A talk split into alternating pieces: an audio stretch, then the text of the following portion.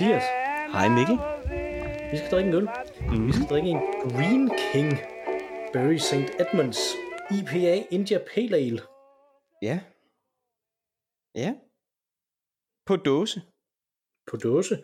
Øh, og grunden til, at jeg synes, at vi skal drikke den, det er fordi, at den er lidt speciel som India Pale Ale. Det er mig, der har valgt den. Øh, og det er, den er specielt derved, at den faktisk har en relativt lav alkoholprocent.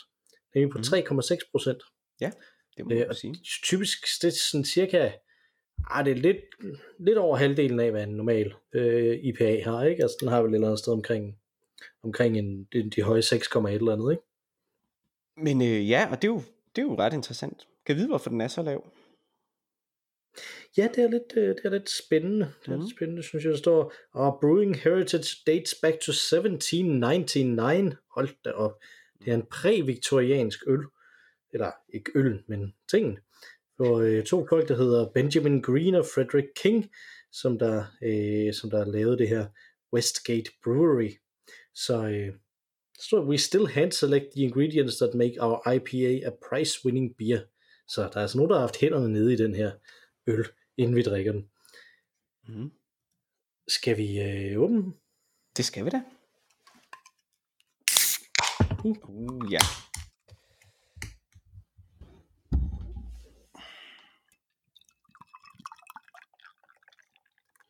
er i øvrigt importeret af One Pint AS, står der på sådan et klistermærke på toppen af min. Det, det gør der faktisk ikke på min. Så det vidste jeg ikke. Så øh, det var jo godt bonus fact. Det er en, øh, det er en, øh, det er en udmærket farve, synes jeg. Altså jeg tænker, når det var så lav en alkoholprocent, så frygtede jeg et kort øjeblik, at de måske bare havde øh, hældt noget vand oveni. Øh, men det tror jeg Ja. ikke, de har. Det ligner Ja, det en, en IFA. Synes du, jeg synes faktisk, at den er lidt for orange, sådan lidt for gylden til at være en IPA. Jeg synes, den ligner mere en pilsner. Jamen, så er det en meget mørk pilsner, synes jeg. Nå, ja, ja. Jo, Skal vi ja, øh, smage ja. på, øh, Lad os det. på drogen? Lad, lad os det. Mm. Skål. Skål. Mm. Mm. Jeg, jeg tror, at øh, de har gjort præcis det, som jeg sagde, nemlig fortyndet en IPA med vand. Jeg tror, du er helt ret i. Den smager meget som en, som en lidt tyndere IPA. Øh, og jeg må også, øh, nu tog jeg lige en lille bid af skummet først, jeg må sige, at det minder faktisk ret meget om de der, øh, om de der Nordic gylden øl. Ja. Ja. Som, øh, som vi jo også har smagt, tror jeg, vi snakke mere, det var gylden, vi smagte øh, som sådan en alkoholfri en. At øh, det smager som noget, som der virkelig meget gerne helst ikke vil have særlig meget alkohol i og har gjort en del for at, at undgå det. Mm. Jeg tror, du har ret i det. Ja. Den, øh, ja, jeg synes Ej, den er ikke helt god, vel? jeg synes ikke, den lever op til IPA-navnet, vel? Altså, øh, at når den smager, som den gør, så kunne man jo lige så godt tage en, som der nærmest ikke får noget alkohol i, sidder jeg og tænker. Altså, fordi at, hvor, hvorfor skulle man ellers øh, tage, tage sådan en smag her?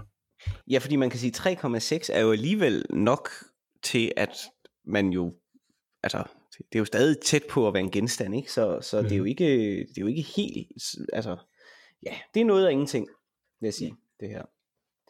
Det er det. Ja, det er ikke så godt på den måde, men altså, den er jo så også fra 1799. Det kan være, at øh, folk drak jo mere øl dengang, der var det bare tyndere. Så. Ja, det er faktisk, altså, er, blandede man ting op. Altså lige, jeg er i gang med lige i øjeblikket at se Game of Thrones, øh, Mm. hvor der drikker de jo vin hele tiden, og det gjorde man jo også i, i romertiden, selvfølgelig fordi, at du, du kunne ligesom, øh, jo, øh, det var jo konserveret, kan man sige. Det var jo bedre end, end vand, som du ikke vidste, om det var øh, renset og så videre. Vin har jo gennemgået nogle kemiske processer, der gør, at du ved, at det er sikkert at, at drikke det. Men blandede man det så op, eller lavede man bare noget meget tyndt, eller var folk bare småfulde hele tiden? Ved du det? Øh, altså, jeg tror, folk var småfulde ret meget af tiden, men man okay. Blandede det op med, med vand, vin, i hvert fald i, um, i Romeriet, fordi det er sådan en, det er sådan en ting, som man, som man dels har nogle beskrivelser af, at folk har gjort til nogle af de her fester, de er til, Mm.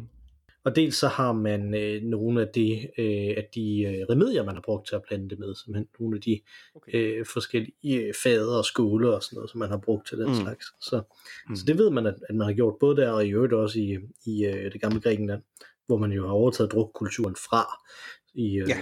Romeriet. Mm. Så altså, jeg forestiller mig også, at det er, at det er øh, fortyndet øl, det som man drikker normalt. Øh, eller også noget af det her maltøl, som der er, øh, som der er mindre øh, alkohol i, det som man drikker sådan som hverdagsøl. Fordi mm. man kan sige, ja, hvis man så blander det op med vand, men så kunne det vand jo lige så godt også være inficeret, ikke? Altså så... Jo, det er jo også det. Men man kunne selvfølgelig blande det op med, ja, noget andet. Saft, frugt, øh, saft, mere ren produkt, men, men det ved jeg ikke, om, om man, man havde. Men øh, hmm. det var meget sjovt, vi ikke talte om det her sidste gang i øvrigt. da vi ja. snakkede om, om, øh, om ølkoner, men øh, no. ja, godt smager det i hvert fald ikke. Det, øh... Nej, ikke specielt. Den, den kan vi vist ikke anbefale. Altså, den er heller ikke en, som man løber skrigende væk fra, men altså, der er ikke, der er ikke nogen grund til den. Det er måske lidt en sommer, sommerøl, måske. Men igen, man, hvis man er til en IPA, så kan man jo lige så godt tage en, som der er lidt mere, øh, lidt mere spark i, sådan, så der også kommer lidt mere IPA-bitterhed i. Nå, Mikkel. Ja. Jeg, øh, jeg har tænkt på en ting i denne her, øh, denne her uge.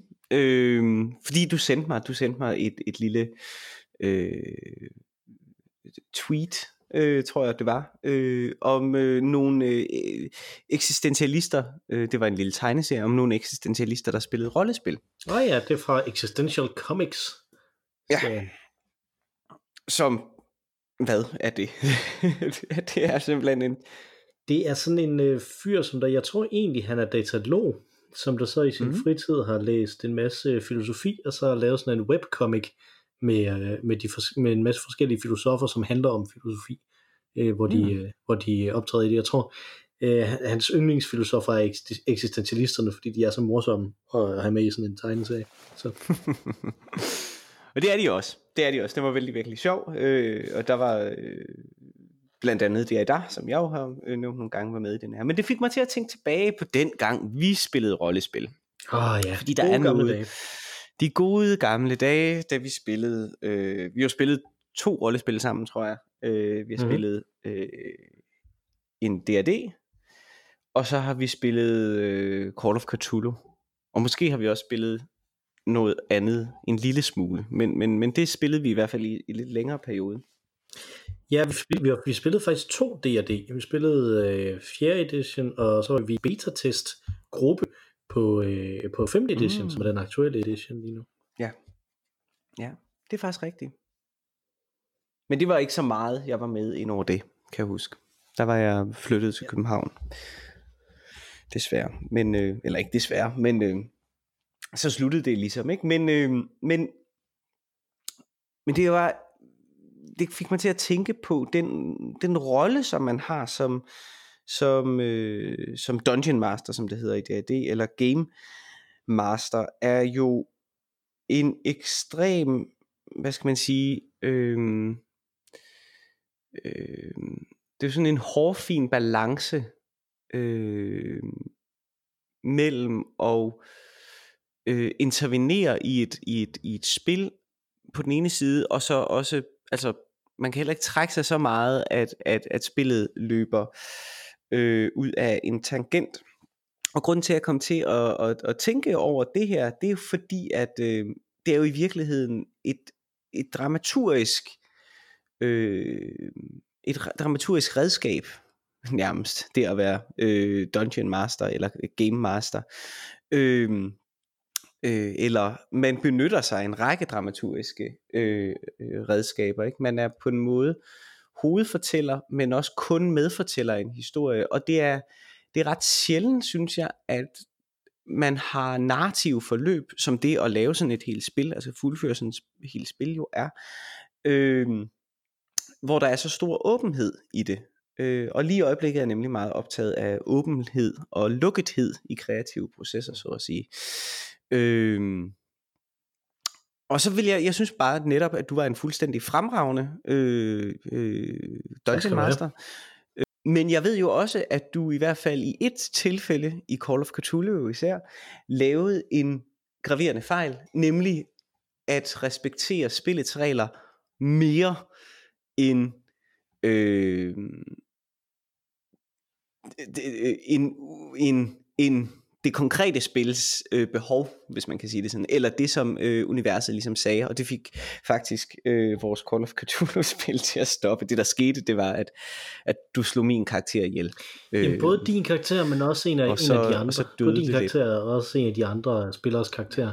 Og jeg tror specielt, at det var den anden øh, spiller, som der, øh, som der simpelthen ikke, øh, fordi det var den anden karakter, han havde, som der var død øh, i, løbet af, i løbet af det. Mm at den her, det gør folk, det gør karakteren mm. rigtig tit i, uh, i Call of Cthulhu. Hele systemet er lagt op til, at man skal være meget skrøbelig i det. Uh, men samtidig så spillede vi også sådan en af de klassiske store kampagner, uh, nemlig Masks of Night og Thotep, som, uh, som er sådan en rigtig Indiana Jones-agtig kampagne, hvor man faktisk rejser rundt i hele verden og følger spor fra det, fra det ene sted til det andet. Så der er sådan lidt nogle, mm. det er lidt at odds, om man så må sige, at det er en lang kampagne, hvor man rejser meget langt frem og tilbage og rundt omkring, men alligevel så er systemet jo lavet til, at, at, man, at man skal dø. Og det er det, der er lidt interessant også, fordi at, at, at reglerne i de her systemer bruger man jo typisk til at, øh, at, at køre narrativet frem i den retning, som man gerne vil, ikke som man nødvendigvis gerne vil have det, men den retning, som den genre, som det ligger inden for det her spil, det, øh, det gerne vil have det, ikke? Altså det er det, der, det, er det, der er det skægge ved at have de her forskellige typer af, øh, forskellige typer af rollespilsystemer. Øh, fordi at man sidder jo der, og der sidder en game master, som fortæller en historie, og så nogle spillere, som der hver har ansvaret for en karakter, som de så styrer, som der ligesom siger, vi gør det her og det her inde i den her historie. Øh, men det, som der gør det til et spil, snarere end en eller anden form for øh, improv teater ting, det mm. er, at øh, hvor, hvor der så kunne være en dommer, ikke? Altså, det er, at, at der er de her regler, som, øh, som siger noget om, hvad skal man gøre, hvor meget stor, hvor stor chance har man for at gøre det ene eller det andet, hvornår er man død i en eller anden situation, og hvad gør vi, når vi, øh, når vi skal gøre et eller andet fysisk, fordi så gør man det typisk mm. på, en eller anden, øh, på en eller anden abstrakt øh, måde. Der er også nogle øh, systemer, som der øh, faktisk rigtig mange af de klassiske systemer bruger også øh, regler til noget af det psykiske. Der kan man sige, i Dungeons and Dragons, der har det klassisk set været i forhold til at overtale andre mennesker, øh, og i forhold til, hvad for, en, mm. øh, hvad for en effekt man har på andre mennesker, og hvad man kan huske som karakter. Fordi at spilleren kan jo ikke nødvendigvis huske alt det, som en karakter i en fiktiv verden vil kunne huske, fordi spilleren ikke nødvendigvis er ekspert i den fiktive verden, som, øh, mm. øh, som der er, selvom mm. man spiller en ekspert. Så derfor så er der ligesom nogle måder at gøre det på hvor i Call of Cthulhu har man dels de her ting også, men man har også øh, det problem, at øh, man konstant bliver øh, angrebet, ens psykiske velbefindende bliver konstant angrebet af, at der er de her monstre og gamle guder, som der, mm. øh, som der forsøger at, øh, at bryde ind og ødelægge hele universet, og det er simpelthen så overvældende, at det kan man ikke som menneske, øh, det kan man ikke som menneske forstå. Men du har fuldstændig ret i, at, at jeg lavede den her fejl, ikke? Altså, det er, det er lidt det, der er, øh, det, der er interessant, det er, hvis behov var det? Fordi var det et behov fra narrativet mm. og fra spillet, eller var det et behov fra spilleren, der gjorde, at, hvad, hvad var det, jeg mm. overtrådte? Der er ingen tvivl om, at jeg overtrådte spillerens behov. Fordi at, øh, at specielt vores, øh, vores medspillere, som jeg ikke vil give navnet på, vores medspillere, som, øh, som var der, havde et behov for ligesom at have en eller anden form for kontrol og bygge sin karakter op. Fordi det er det, som øh, man gør mm. i rigtig mange computerrollespil. Fordi rigtig mange computerrollespil følger mm. den her Dungeons and Dragons ting, hvor ideen er, at man starter på et level, og så bygger den her figur længere og længere op til at blive mere og mere mægtig. Øh, hvor Call of Cthulhu i sagens mm. natur er noget, hvor man ligesom oftere dør. Øh, og det er også, øh, systemet er også derfor indrettet til, at det faktisk er ret svært at blive bedre til ting i det. Det, øh, det er ikke så nemt som at man bare øh, skal slå så også mange monstre ihjel, så kan man, så kan man blive bedre til noget. Så, øh, så, så ligesom den, var, det, var det spillerens behov for at, at have den her kontrol, som jeg gik imod, eller var det narrativet? Og jeg tror lidt, det var begge dele, men mest spillerens behov. Ikke? Altså, og jeg siger det lidt, var begge dele, var netop mm. fordi der var den her lange kampagne, som vi, som vi spillede. Ikke? Men, men, og jeg synes, fordi det er, det er, egentlig, det er egentlig det, som jeg gerne vil hen til, øh, det er, der er sådan set, som jeg ser det, hvis man spiller et rigtig godt øh, spil, øh, som øh, øh, Dungeons, som vi, vores Dungeons and Dragons, så tænkte jeg bagpå, bagefter, øh, det havde været sjovt, hvis vi havde optaget det hele, fordi det her, det var faktisk en lang, stor, flot øh, continuity, kon, øh, øh, øh, øh, hvad hedder det? Øh, fortløbende, ja, kontinuerlighed, for dansk er vi også sådan, kontinu, ja, fortløbende, øh, kontinuerlig øh, øh, fortælling, som egentlig hang sammen øh, ligesom et stort værk. Øh, det kunne være øh, Game of Thrones for eksempel. Ikke? Øh, men samtidig så har den jo nogle mekanismer indbygget i sig som spil, som er virkelig, virkelig anderledes end det at fortælle en historie. Øh, og jeg synes bare, det er enormt interessant. Og jeg tror netop, det har noget at gøre med, som du siger her, er det spillets regler, der dikterer ting, eller er det karakteren, eller øh, personen, der spiller en karakter, der ligesom dikterer udviklingen, og hvad skal vægtes højst. Øh, en ting, som jeg kan huske, du sagde til mig på et tidspunkt, det var, at rigtig mange øh, øh, at de serieskrivere, der laver øh, sådan øh, øh, lange øh, sitcoms for eksempel, altså sitcoms, der løber i overvis, øh, meget ofte er startet som øh, rollespillere, hvilket giver enormt god mening, øh, fordi det er måske den måde, Øh, det er en tilsvarende måde at fortælle på. Altså en, en, en struktur, hvor du ikke har gjort dig historien klar på forhånd, men du bruger mere energi på at definere universet og, og karaktererne. Øh, men for mig som dramatur er det bare en, altså en øh, virkelig anderledes måde at tænke på jo, fordi at et af de store sådan dramaturgiske knep, noget som man ved bare gør folk glade, øh, når man fortæller en historie, det er det her, øh, det, den tjekhovske, øh, det tjekhovske gevær øh, begreb, øh, som kommer fra øh, fra Mågen, et, et stykke af Tjekov, hvor at man tidligt i, i stykket hører om, øh, at der er den her måge, og man ser et gevær, og så er teorien så den, den, den dramaturgiske teori omkring det. Hvis man, hvis man ser, hvis man planter det i begyndelsen, så skal det også have et payoff øh, i slutningen. Men den måde at fortælle på, altså en, en plot-driven fortællestruktur, er jo stort set umuligt i, øh, i, øh, i, i de fortællinger, som er knyttet til, til øh, kontinuerlige øh, rollespil, tænker jeg, eller hvad? Eller benytter man sig i virkeligheden af en række greb, en række bolde, man kaster op i luften, og så fanger man bare nogle af dem, og hver eneste gang der er en bold, der bliver fanget, så får man en fornemmelse af, øh, af, af lukkethed i en fortælling, øh, selvom det ikke er der. Hvordan orkestrerede du det som, som, øh, som game master? Jamen, altså, jeg, jeg gør rigtig meget det der, som du siger, jeg, sådan en slags bredhavls tilgang, ikke? Altså at lægge en masse forskellige tråde ud, og så se, hvad der bliver, hvad der bliver samlet op, og prøve at holde noter, der gør, at jeg selv kan huske, hvad det er for nogle ting, mm. øh, spillerne har været interesseret i. Og det gør jeg meget, fordi at jeg har læst en, måske en håndfuld på omkring 25 øh, eksemplarer af det klassiske øh, Dragon Magazine, som øh, kom i gamle dage. Jeg tror stadig, det kommer som et e-magasin faktisk. Eller også er det bare en, en afdeling på Wizards of the Coast øh, hjemmeside. Det er noget tid siden, jeg har været inde i det. Øh, som, som er simpelthen et magasin med en masse, øh, en masse tips og tricks til, hvordan man, man laver forskellige ting i rollespil. Altså, mm. både, som, øh, både som DM og som, og som spiller, sådan var det i hvert fald i gamle dage, at det var begge dele, der var der. Og, øh, og, det, og det var knyttet til Dungeons and Dragons, så det er rigtig meget om, hvordan man får Dungeons and Dragons til at køre som rollespil. Ikke? Mm. Øh, og det, der var en lang overgang, som det her det ligger ned i, hvor Dungeons and Dragons var øh, meget det dominerende øh, rollespil, der var mm. på, øh, på markedet. Øh, og, det, og det var der omkring, jeg læste nogle, øh, derfra jeg læste nogle af de her, øh, nogle af de her øh, udgivelser. Så der, så der kan man ligesom sige, at der trak alting hen, til det system, og derfor så var der masser af folk, som der prøvede at få det system til at gøre noget helt andet, end det det egentlig var meningen, det skulle. Mm. Specielt på det tidspunkt, øh, som var under second edition af Dungeons and Dragons, det er mange år siden, som var da jeg kørte min første kampagne i, i sin tid, da jeg var teenager. Mm. Øh, og der, øh, det var ikke et system, som der var lavet til, at man skulle improvisere, og at man skulle øh, hurtigt finde ud af en masse ting. Det var et meget reelt tungt system, men det var der alligevel nogen, som ligesom trak det i den retning af her. Men det er jo typisk det, som jeg har gjort der, at, at lave sådan nogle spredhavl øh, på det.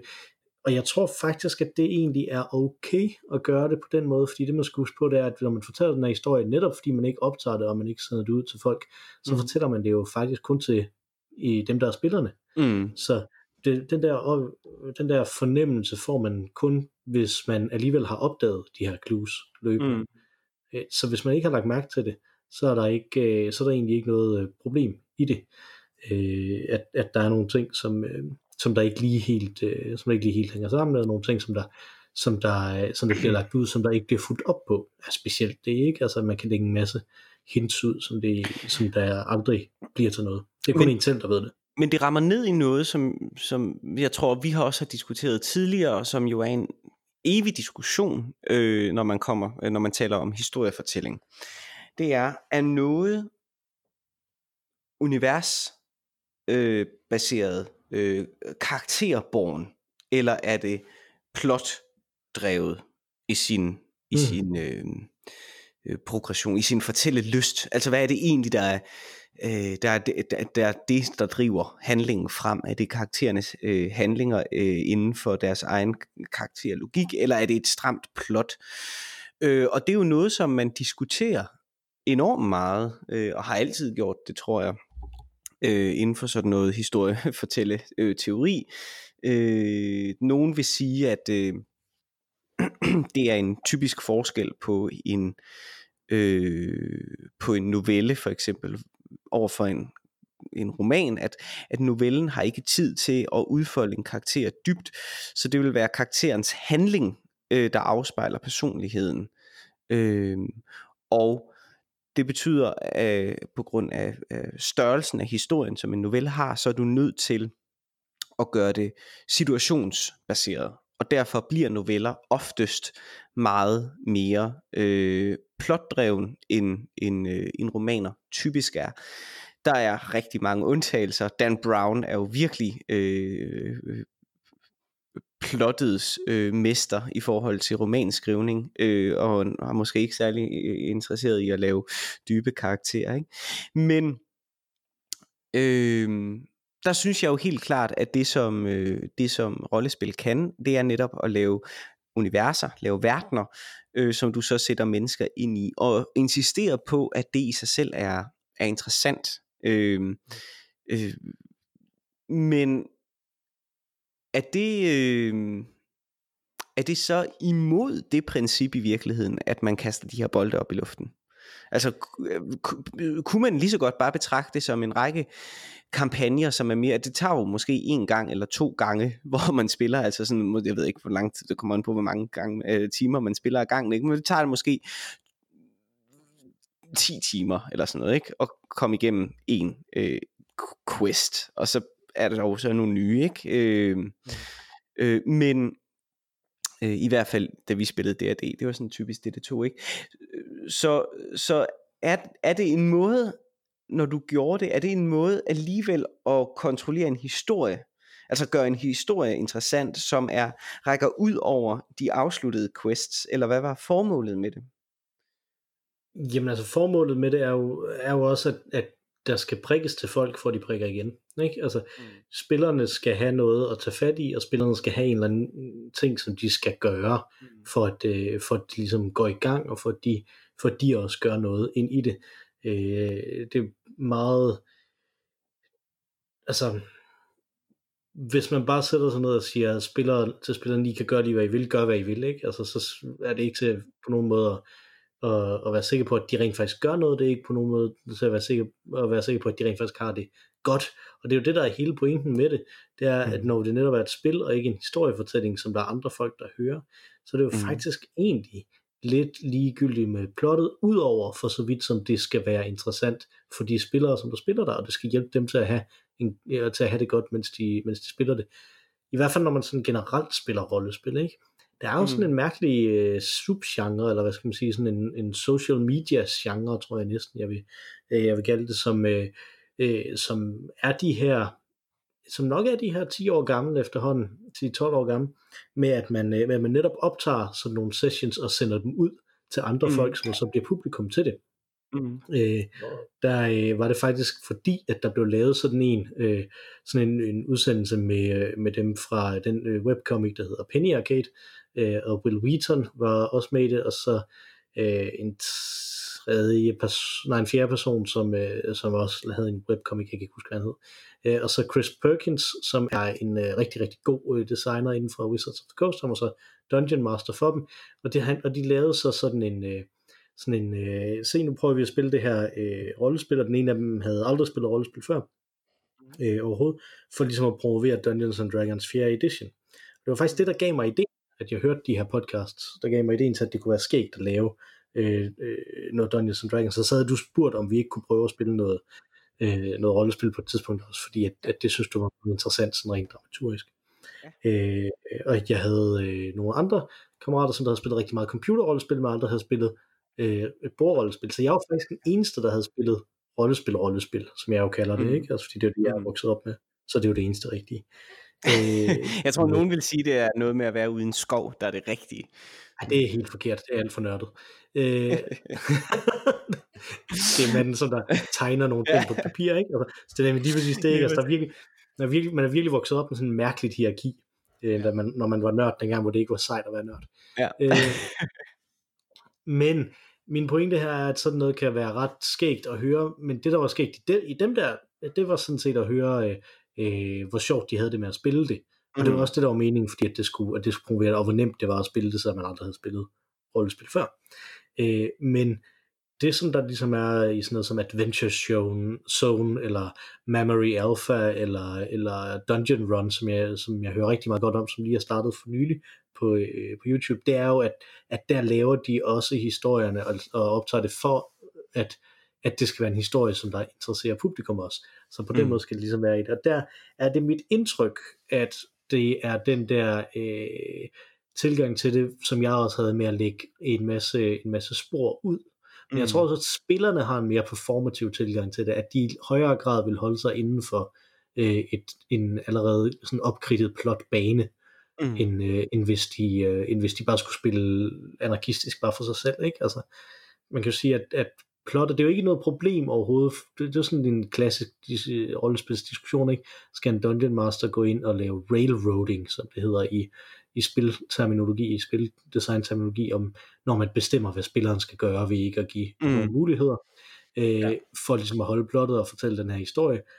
Og det skal man jo ikke, fordi at det, øh, hvis, hvis historien er god nok, så gør de jo det, de skal, spillerne. Mm. Øh, og mm. det er jo også lidt det, jeg ligesom kunne, også fordi jeg kendte jer ret godt som, øh, som personer alle sammen, så kunne jeg ret nemt gætte, hvad der ville ske. Og jeg kunne jo også indimellem, nu siger du det her med, at vi havde en session, øh, eller vi havde 10 timer til et, øh, til et quest. Det der typisk var sket, det var imellem questsene, eller imellem de her store encounters, som der var designet, som jeg, jeg overtog også nogle, øh, nogle øh, design, designede encounters og designede quests allerede, mm. øh, for at kunne køre det hver uge. Øh, det var imellem dem, at det rigtige drama kom, hvor det sådan set bare var imellem jer karakterer, som der blev uvenner mm. over de ting, der lavede. Det er, jo, det er jo de ting, man husker typisk. Når vi lige præcis, lige præcis. Og så vil jeg bare lige, fordi jeg giver dig jo fuldstændig ret, øh, og jeg vil i øvrigt lige sige, at måske er rollespils fordel som øh, fortælle øh, kunst jo også, at det måske er den måde, der ligner livet allermest. Der, der er nok Tolstoy og sådan nogen, som kan sætte sig ned og bare skrive karakterer og være lidt mindre øh, bekymret øh, om plot i sin, sin, store, sin store brede forstand. Men det som, det som et, et, et spil, et helt spil, det er det jo gør, det er jo, at det viser også livets skuffelser i den forstand, at man måske en gang imellem tror, at nu er vi inde i et plot, sådan er det i hvert fald i mit liv. Nu kan jeg se øh, en, en ark, jeg kan se en rejse, jeg skal på, eller sådan et eller andet. Ikke? Øh, for at jeg så øh, ikke griber det, den plotbold, som jeg, der var blevet kastet mig op i luften. Ikke?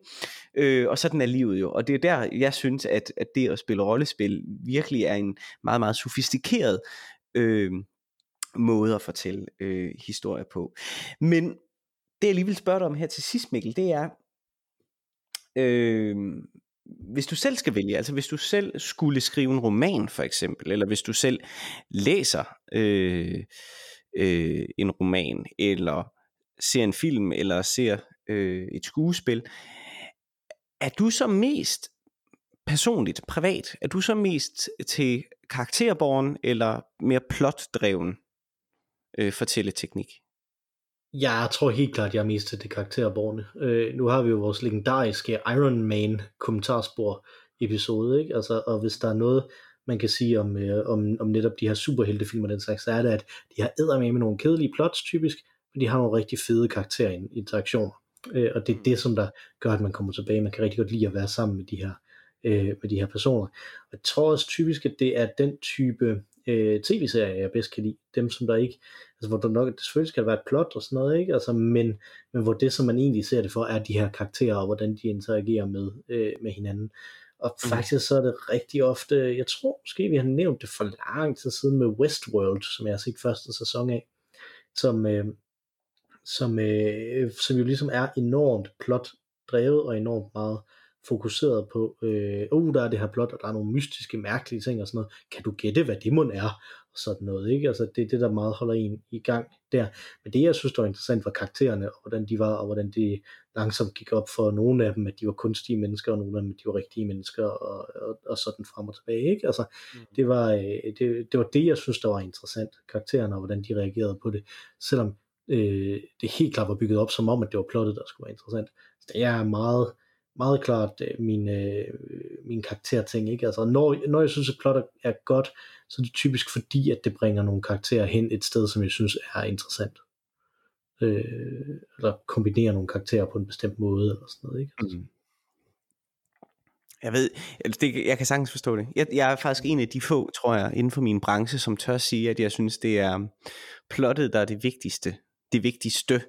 Øh, fordi det er det, som som man som forfatter kan ytre sig igennem. Det er meget mm. sværere øh, igennem karaktererne, fordi de, hvis jo, jo mere hele de er, desto mere øh, et indre liv lever de jo selv, som er øh, fritaget dine, eller frisat dine øh, evner og kunde som forfatter, ikke? De lever jo i sig selv, hvis de er virkelig gode, ikke? Så, så det gør det svært at kontrollere. Men, Jamen, og jo, men, mere øh, man, ja. jo mere man som forfatter prøver at få dem til at sige noget for sig, jo, jo kedeligere bliver det jo typisk også. Ja, lige præcis, fordi, og, det, og det kan man jo gennemskue. Øh, mm-hmm. Øh, så det er meget svært for eksempel at lave politisk kunst, hvis du har øh, virkelig stærke øh, karakterer. Men omvendt, øh, så altså, der er jo karakterer, der er jo fiktionelle karakterer, hvor man bare kunne tage dem, og så sætte dem i et rum, og så ved man, at der er godt drama på spil. Mm. Altså, hvad vil der ske, hvis du tog Richard den 3. og satte ham i rum øh, sammen med Estragon fra Venter på Godot. Ikke? Altså, ja. det, er jo, det er jo et skuespil i sig selv. Ikke? Altså, det, det, og sådan, sådan er det jo med, med fede karakterer. Ikke? Og det er det, som rollespil kan.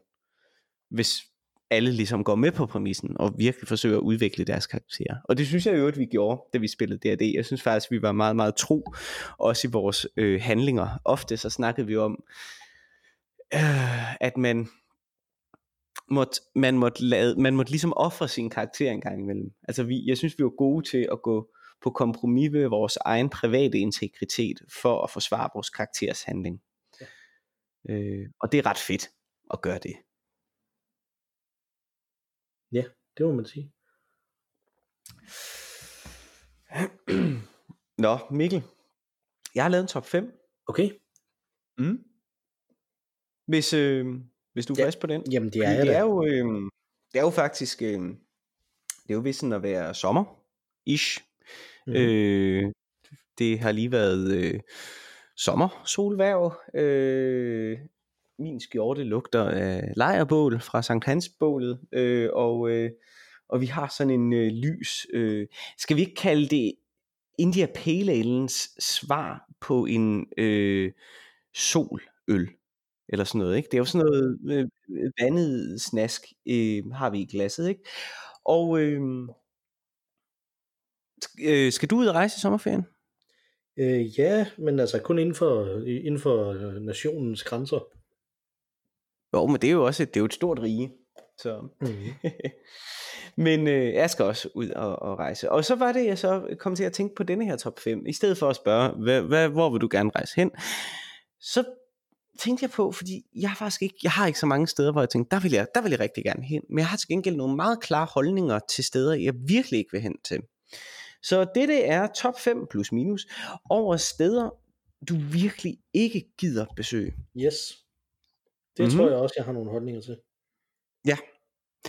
Og, øh, og jeg kan i hvert fald se på min, det er sådan nogle steder, som jeg ved i hvert fald, at lige da jeg gik ud af gymnasiet, så er det faktisk, det var der, det, alle de skulle bare derhen, og det var måske det, der det er måske heller ikke fair, men ja, nå, her kommer det i hvert fald. Nummer, øh, nummer et på min liste er lidt bredt Sydøstasien, og det er ikke hele Sydøstasien, fordi jeg vil gerne til Japan, det kan jeg lige så godt sige med det samme. Der er noget i den japanske kultur, jeg synes er vildt fascinerende, men jeg gider ikke til Kambodja. Jeg gider ikke til Sri Lanka eller til Indien eller til Thailand eller Taiwan. Men mest af alt Indien. Jeg gider virkelig ikke til Indien. Og i, da jeg gik i gymnasiet, der var Indien et sted, som øh, der var rigtig mange, der gerne ville rejse til.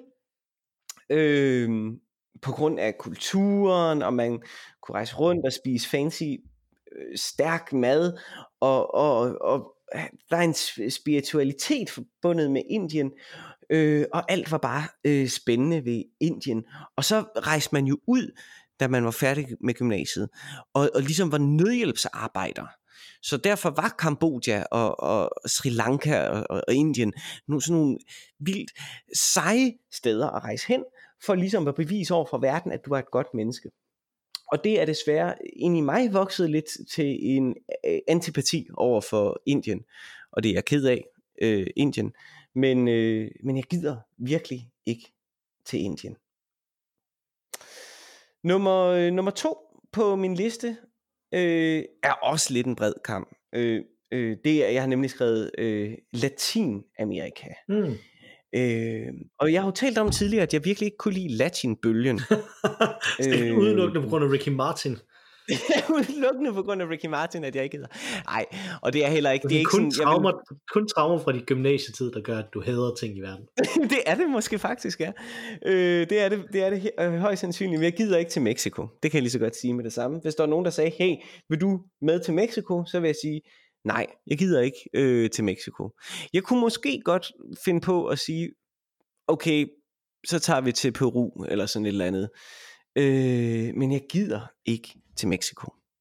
Øh, og jeg kender ikke noget til Mexico. Jeg har ingen anelse om, hvorfor jeg ikke gider til Mexico. Det er da sikkert et dejligt land med en skøn, øh, med en skøn kultur.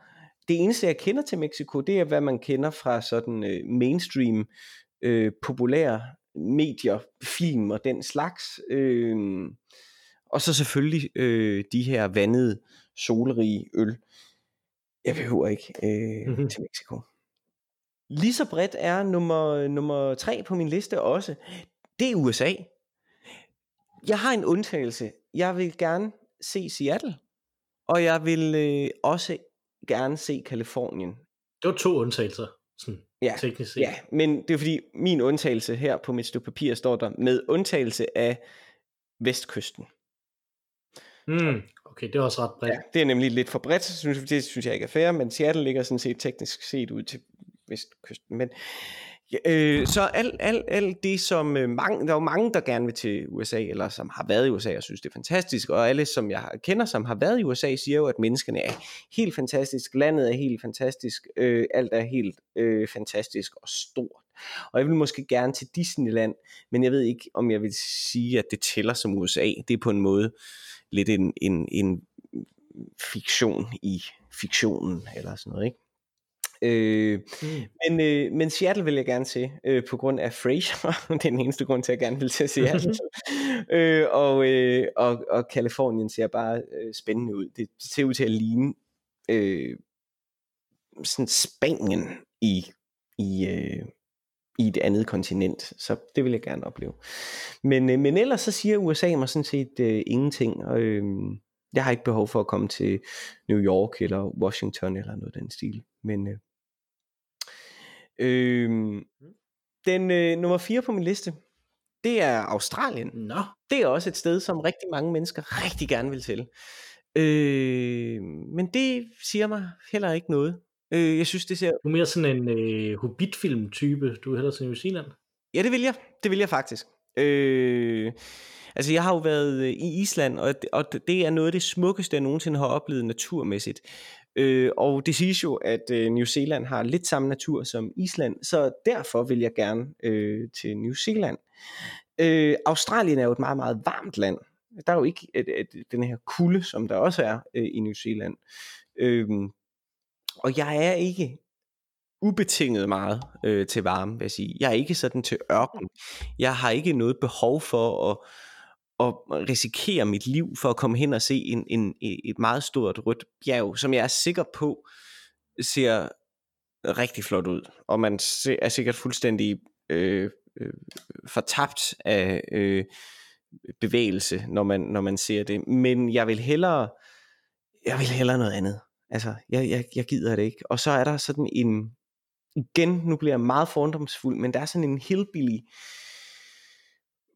vibe, synes jeg, øh, over de mennesker, som, som jeg kender, og som har været i Australien, som, de, sådan, som er sådan lidt den der sådan, øh, ja, ja, så, og det siger mig ikke så meget. Altså det er jo ikke, så, det er ikke, jeg tænker ikke sådan øh, kulturelt øh, sofistikeret øh, sted. Jeg tænker mere barbecue og, og en, og en dåseøl og sådan noget. Og det, det kan også Det er være meget fint. skægt. men- Øh, I, øh, I Melbourne, som jo ligger i Australien, der er der et virkelig, virkelig levende computerspilmiljø. Mhm. Øh, både akademisk og, og udøvende, som jeg, som jeg faktisk helt vildt godt kunne tænke mig en dag at, at komme ned til. Men det er bare meget, meget dyrt øh, at tage derhen, så jeg tror aldrig nogensinde, jeg får over, øh, overbevist min, øh, min arbejdsgiver om at sende mig til noget af det. Nej. Altså, det, det er sikkert, det, det, altså jeg tænker, der er sådan noget, øh, der er måske sådan, noget, måske sådan lidt Silicon Valley stemning, eller sådan noget San Francisco stemning over Mm. øh, de store byer i Australien. Og det lyder jo umiddelbart rigtig fedt. Altså det kan jeg jo godt lide, men, men San Francisco for mig er også, ligesom Seattle, en, et, et, et lidt, lidt mere sofistikeret sted. Altså Australien for mig minder mig mentalt set, altså mit indre billede af Australien er det samme som øh, nummer 5 på min liste, som er, er det sidste, nemlig Sydafrika. Ja. Der er sådan noget øh, med sådan noget koloni sted. Altså når der er kommet nogen til, ligesom i Sydafrika, hvor der er den her afrikankultur, øh, der er sådan noget ja, en closer hedder det jo ikke, det er jo, det er jo et begreb for noget andet, men det der med, at du laver sådan små, øh, lukkede øh, settlements, betyder noget for den kultur, som så fødes ud af det. Jeg ved godt, det har man jo ikke, det er det jo ikke i Australien nu, men mit, min, min, min fordom er stadig, at, at øh, det er sådan lidt øh, ja, barbecue og dåseøl og lidt hillbilly-agtigt, og sådan ved jeg, det er i Sydamerika. Eller undskyld, i Sydafrika. Øh, og øh, der vil jeg virkelig ikke til. Det vil jeg virkelig ikke. Det, det er virkelig et spooky sted. Jeg kan ikke øh, næsten tænke på noget, øh, som jeg synes virker mere spooky at, at skulle besøge end, øh, end Sydafrika.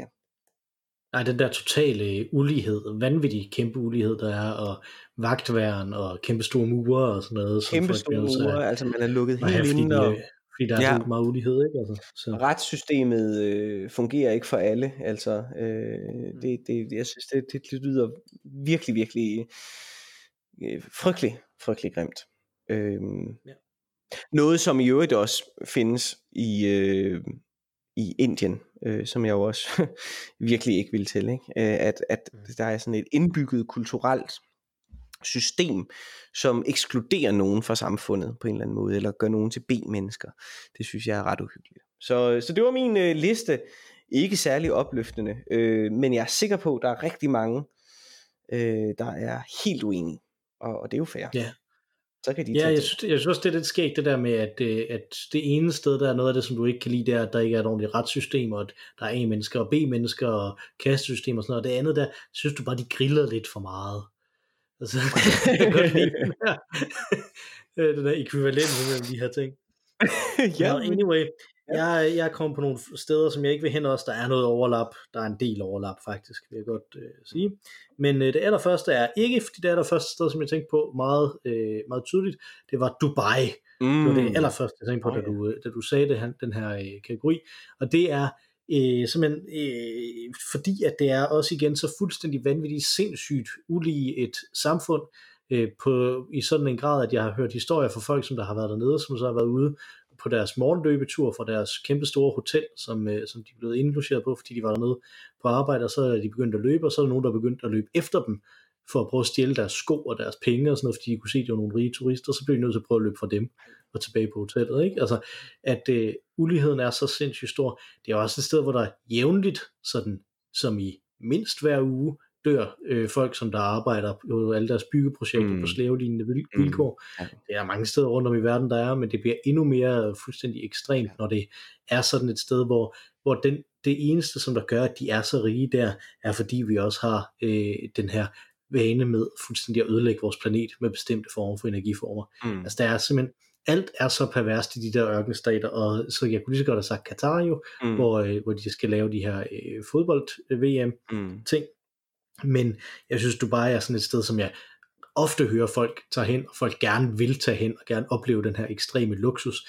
Øh, og jeg synes simpelthen, hvis der er noget, som der, som, som der virkelig kan pisse mig af, så er det, når, øh, når man tager rundt om i verden, og ikke er opmærksom på den her ekstreme øh, ulighed. Jeg har haft den her diskussion nogle gange med nogle af mine øh, kolleger, når vi har været i Kina, mm. øh, som jo øh, ikke, ikke nogle af de kolleger, som jeg sådan har tæt på, med nogle af de kolleger, jeg har haft i nogle af de projekter, jeg har været med derovre, mm. som gør også er et fuldstændig vanvittigt ulige land, specielt hvis man ser på hele landet, men også bare internt i de store byer, jeg har, jeg har været i, ikke? Altså sådan nogle, som, der, som der kan sidde og sige, ah, det, hvorfor har vi ikke sådan noget med, at man bare kan få leveret ting lige med det samme, når man, øh, når man vil, ligesom de har her i Kina, mm. øh, det ville være super smart herhjemme, simpelthen bare, altså, det, fordi at vi bor i et rigtigt samfund, hvor folk de skal have en rigtig løn, som de kan leve af mm. og så kan det ikke betale sig. Altså, mm. det, det er sådan noget, der er simpelthen helt øh, fuldstændig hallo, ikke? Altså, når, mm. man, øh, når man ser det, og det synes jeg, Dubai er et, er et rigtig godt eksempel på. Det er sådan et sted, hvor folk, som der, øh, som der med rette ikke føler sig selv sindssygt rige i Danmark, fordi de er ikke rige i Danmark, men på verdensplan er langt de fleste af os meget, meget rige, når vi kommer fra Danmark, og det kan man så få lov til at leve ud dernede uden så at skulle tænke på, hvor mange mennesker, der dør for det. Mm. Øh, sådan noget synes jeg er ret frygteligt. Den næste er Indien. Ja. Så der var øh, et overlap, øh, som jeg heller ikke har specielt meget lyst til. Og der er lidt et problem, fordi der er mange ting ved Indien, som gør, at jeg godt kunne tænke mig det. Ja. Jeg er jo ret vild med det, med det gamle Rom, øh, og jeg synes, at, at Indien virker til at være et samfund, som der på mange måder ligner det gamle Rom. meget af deres sådan øh, måde at gå klædt på, mange af de farver, som man ser der, det er nogle af de farver, som man også forestiller sig, der har været i billedet i det gamle Rom, dengang det rent faktisk var eksisterende og aktivt. Mm. Øh, nu er der jo nærmest kun de hvide tilbage. Mm. Øh, og så er der også alt det, hele deres religiøsitet, som er meget bundet op på en masse forskellige guder, der har forskellige øh, områder, man skal ind til, at man hele tiden kan gå rundt og bede til, at man lige skal klare det her og det her. Det er meget sådan romersk religion også, formodentlig har været. Så der er rigtig mange ting, der trækker mig, mig til det. Du har kommet ind på nogle af de ting, som har stået mig fra det. Som er mest af alt stået mig fra det, er, at alle jeg kender, der har været dernede, har haft frygtelige maveonde i øh, lang tid. Øh, startede det er sandt. Dernede, så, øh, så det er jeg ikke, øh, det er jeg ikke super begejstret for. Er det ikke også ved Indien, at Goa ligger, som er sådan den her ø, som alle folk de skal hen til? Mm. Øh, nu, nu du snakket om traumer for gymnasiet. Jo. Øh, min tredje, det er USA.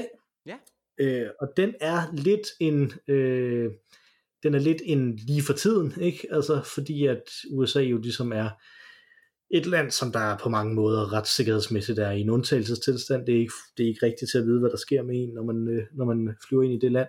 Principielt bare tage ens telefon og, og, og kigge alting igennem og, og, og få fat i en. Mm på, øh, på en måde der, og jeg er ikke lige så sikker på, at nu vi er jo sådan en, som der rejser til nogle totalitære lande indimellem, mm. ikke? altså mm. for eksempel Kina, ja. jeg er ikke så sikker på, at der vil være den samme ildhu i forhold til at sørge for at få en dansk statsborger hjem fra USA, som øh, fra Kina, hvis man var uretmæssigt tilbageholdt.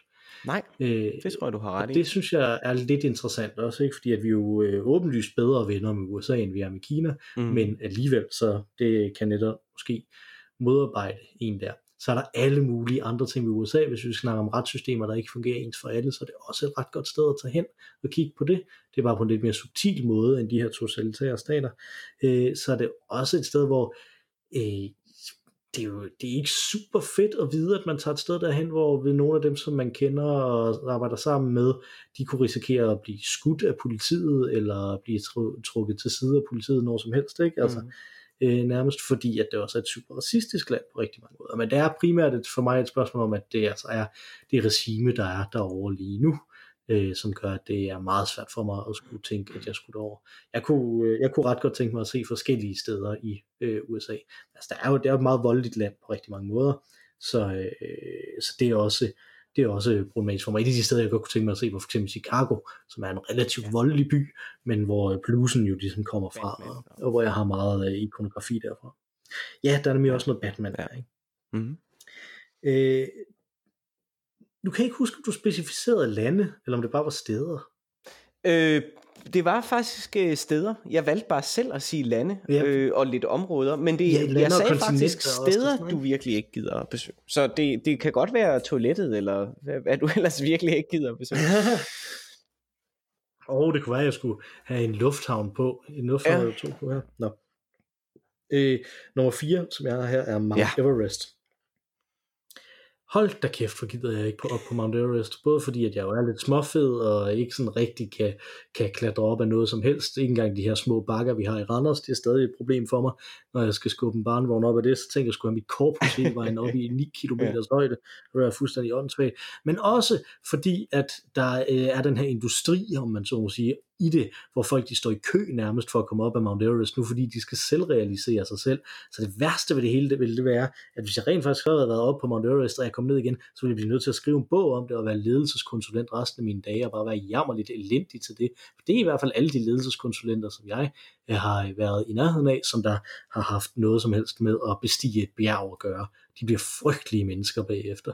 Øh, alting er bare det her, uh, hvis man bestiger et bjerg, så skal man gøre sådan, og så skal man gøre sådan, og så skal man huske det her, man kan altid have et ræb, man skal altid stole på hinanden, og så tager man det i små etapper og sådan noget, og det er meget, meget klogt, fordi det kan du også gøre i din, i din normale hverdag, og sådan noget, øh, øh, så skulle jeg blive rigtig nederen på den måde. Hvorfor vil man dog gøre det? Øh, og min nummer 5 er ja. din nummer 5. Yes. Sydafrika. Øh, og det har vi sådan set nævnt, øh, hvorfor. Men min nummer 6 vil jeg godt lige ind på os, og jeg synes, det er vigtigt at have den med, øh, også fordi det er et af de værste steder overhovedet i verden, formodentlig det er Nordkorea. Oh ja. Det er øh, sådan et sted, det er et sted, hvor de rent faktisk sælger sådan nogle turistrejser øh, til. Jeg kender folk, som der har været i Nordkorea. Sjovt nok er det typisk nogen, som der på ingen måde har nogen kommunistiske sympatier mm. overhovedet. I gamle dage, der tog folk jo til øh, Sovjet, når de var, når de havde kommunistiske øh, sympatier i en eller anden forstand, for at prøve at se det samfund, det var nogle gange ikke særlig godt for kommunisterne. de har i hvert fald mistet, de mistede i hvert fald øh, i sin tid min far, ved at vise deres land frem til, til ham. Øh, og Nordkorea, der er det mit indtryk, at det primært er folk, som der egentlig er meget antikommunistiske, mm. der tager hen mm. for at kigge på det øh, og være de her, øh, være de her turisttyper øh, der. Jeg synes faktisk, det er en lille bitte smule perverst at øh, tage hen og kigge på sådan et land, sådan lidt små for sjov. Det er da super perverst. Ikke? Altså det... Synes jeg. Altså det er jo en zoologisk have. Det er jo det, der er, når vi... Det skal vi huske i den privilegerede position, vi har generelt. Det er også Nordkorea, men skulle også, når vi tager til Indien, egentlig. Altså, så skal man besøge et eller andet slumkvarter i Indien. Hvornår kan det nogensinde være din drøm at besøge et slumkvarter? Ved mindre det er, fordi du har en idé om, at det er en turistattraktion. En eller anden perverteret udgave af en turistattraktion.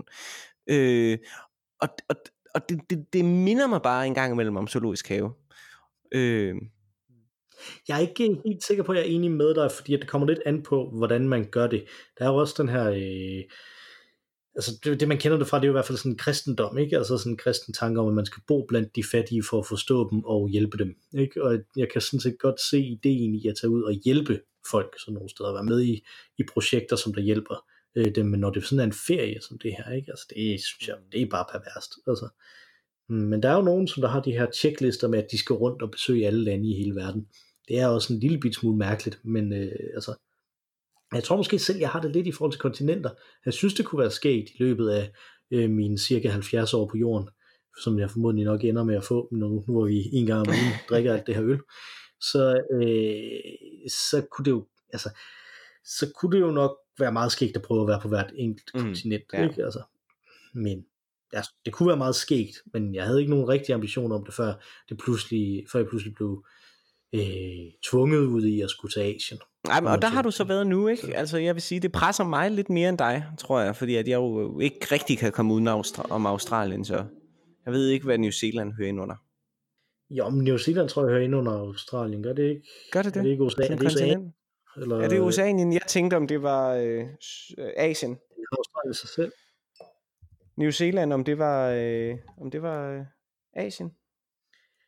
Nej, det tror jeg ikke. Jeg tror, det er Oceanien. Men der er også en masse øer der og sådan noget, som du kan tage hen på, hvis det Ja, skulle det kan jeg tage til. Ja, det tror jeg godt. Jeg tror godt, du kan komme ud Okay, nå, det var godt. Det var godt. Men man, men man skal jo på Sydpolen også, og det ved jeg ikke rigtigt, om det lige er noget. Altså, der er jo ingen af os, der har den på vores liste, så det er jo sikkert et udmærket sted, som vi godt gider at besøge. Ja, altså jeg har det sådan lidt, hvis, hvis muligheden bød sig, så vil jeg da gerne. Men øh, der er ikke noget, jeg selv vil betale. Nej. altså, så der er den igen, ikke? Altså, hvordan... hvordan altså, det, det, der har man jo den fordel, når man har den alder, som vi har, at vi kan jo bare vente, fordi før eller senere smelter den, og så holder vi op med det pjat. ja, det er sandt. Så kan, der kan man tage på badeferie i Sydpolen. Det var øh, nogle øh, råd til, hvor man ikke skal tage hen på ferie, hvis man vil tro os, der ikke har været nogen af stederne. Øh, og øh, det er altså en top 5 liste, top 5 plus minus. Dem kan man faktisk skrive ind og foreslå os, hvis man har lyst til det. Øh, hvis man synes, at det, det kunne måske være bedre med noget positivitet, eller hvis man gerne vil have lidt mere hadsk, så kan man foreslå noget mere hadsk. Jeg tror, at hvis man har hørt alle de 44 afsnit, det er det, er det 44. 20. afsnit, Mathias, Det er jo alle vanvittigt. de 44 afsnit, vi har, øh, har udgivet, så vil man vide, hvor, hvilke knapper man skal trykke på, for at få os til at blive hadske. Øh, så der kan man skrive til ologavl.gmail.com eller tweete til snablag hvis man har et forslag til en øh, top 5 liste. Hvis man synes, at andre skal udsættes for sådan noget som det her, så kan man gå ind og rate os på Spotify eller Apple Podcasts, eller hvor man nu indfår sine podcasts henne, hvis der så er et sted, der kan rates. Øh, man kan finde os ind på soundcloud.com øh, ologavl også. Øh, og med de ord, så tror jeg, jeg vil spørge dig, om du har drukket din øl. Øh, ja, det har jeg. Det har jeg faktisk. Jeg har Det ikke var helt. overraskende. Nej. Det kommer også bag på mig, fordi jeg synes ikke, den smagte godt. Nej, men måske, måske vil du nyde at komme til Indien alligevel. Så. ja, Det er jo en Indian Pale Ale. Indian Pale Ale, ja. Og når jeg nu har sagt det, så vil jeg overlade ordet til Rainey med vores fantastiske temasang. Tak for den gang. Tak for denne gang, Mikkel.